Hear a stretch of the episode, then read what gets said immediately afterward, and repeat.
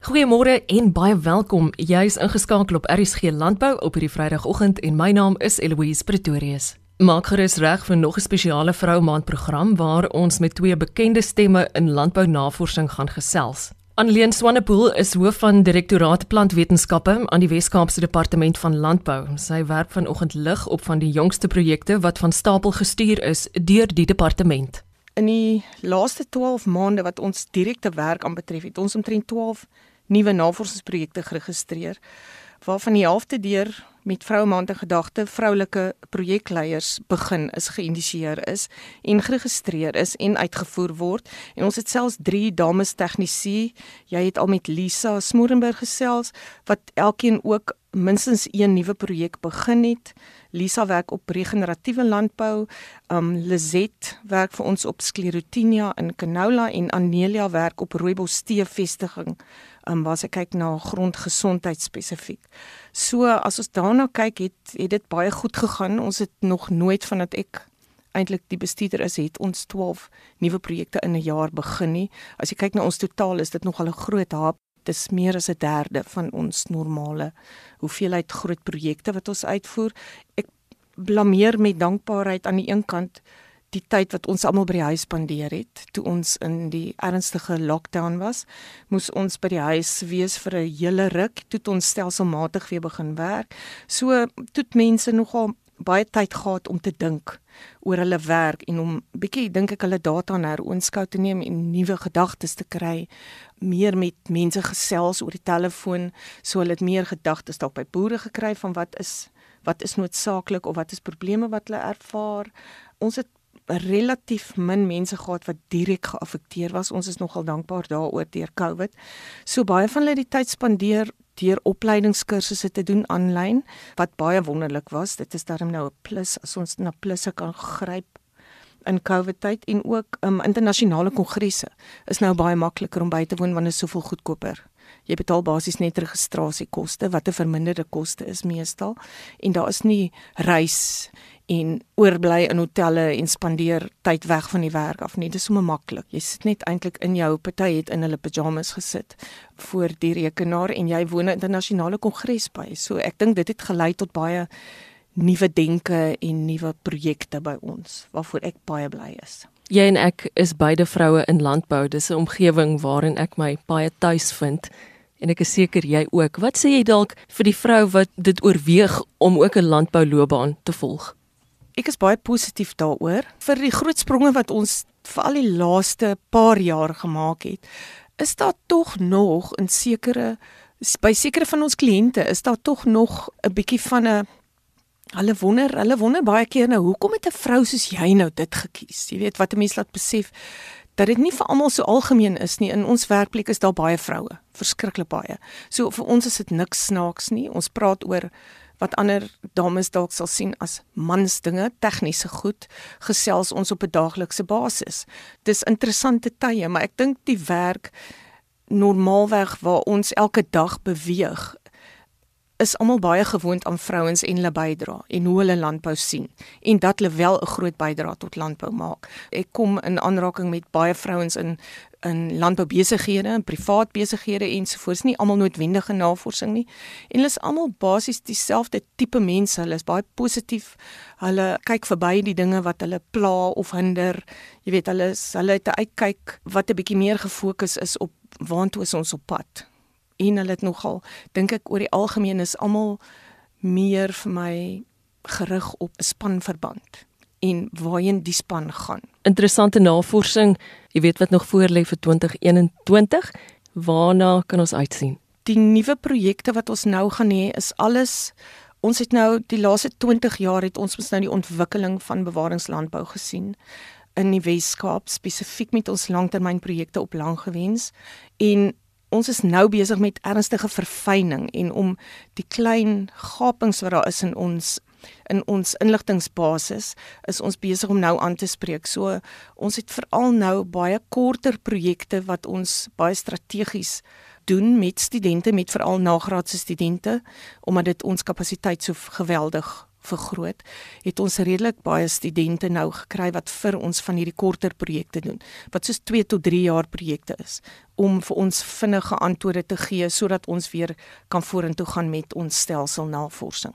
Maar dit dit loop nog altyd waar ons in die verlede vir mense probeer bewys dat jy bewaringslandbou moet toepas, is ons eintlik verby dit nou. Ons is nou besig soos die Engelse sê met fine tuning. So ons is nou besig om te kyk um, wat is die klein haakplekkies wat ons nog moet uitstryk voor ons weer groot spronge gaan doen? Want die begin van die projek was groot spronge. Dit, dit was goed wat ons gedoen het wat mense gesê het en ek dink selfs van die boere het gesê julle is bietjie mal. Dit is dit gaan nooit werk hier. Dis Afrika dis Suid-Afrika. Ons het so min reën. Hoe kan ons dit doen? Suid-Amerika diep grond. Hulle het baie water. En so Dr. Strauss het daai sprong gewaag en hy het dit gedryf en hy dryf dit vandag nog en dit was suksesvol. OK, daar's 'n klomp mense wat hom gehelp het daarmee, maar dit was baie suksesvol tot dusver. So ek is baie dankbaar daarvoor. Ons het 'n baie goeie bydrae gemaak. En dit loop ook toe nou uit op 'n bot wat ons ingesit het vir die 2024 9de wêreldkongres op bewaringslandbou. Ons is een van 'n 'n paar instansies wat dit saam gaan aanbied want dit gaan ons groot geleentheid wees om vir almal te wys wat het ons gedoen om tot hier te kom en wat het ons bereik en hoe gaan ons dit verder neem. So ek is nogal opgewonde daaroor. Annelie Swanepoel is hoof van direktoraat plantwetenskappe aan die Wes-Kaapse Departement van Landbou.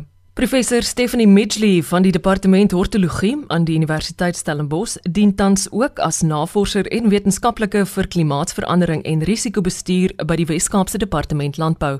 Toekomsrisiko's wat droogtes insluit, iets waaroor ek haar wou uitvra. Ja, so groot fokus op my werk gaan wees oor die die klimaatsverandering as een van ons grootste risiko's. Ehm um, en spesifiek ehm um, risiko's wat reeds bestaan, droogtes, ehm um, hittegolwe en so aan, maar spesifiek wat in die toekoms gaan gebeur.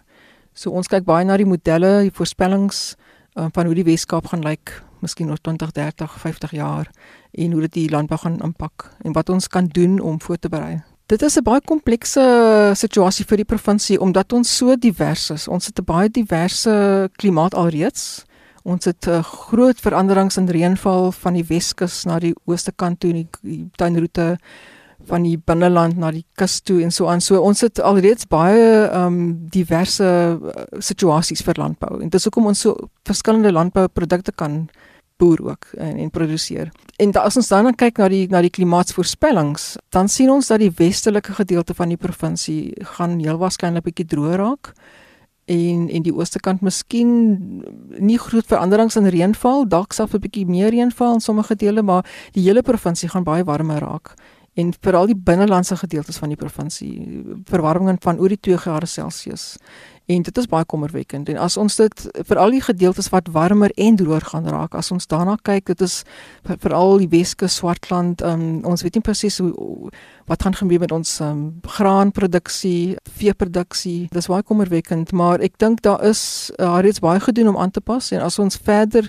genetiese manipulasies gebruik, praktyke kan bewaringslandbou byvoorbeeld is is daar baie wat ons kan doen om voor te berei. Maar dit is moeilik om te sê dit is presies hoe dit gaan lyk in die toekoms. Ons kan dit nie eintlik sê nie. Die die modelle gee vir ons 'n indikasie van wat is die moontlikhede en ons moet net daarmee werk. Daar is nie 'n regte antwoord om te sê dit gaan nou presies so lyk nie.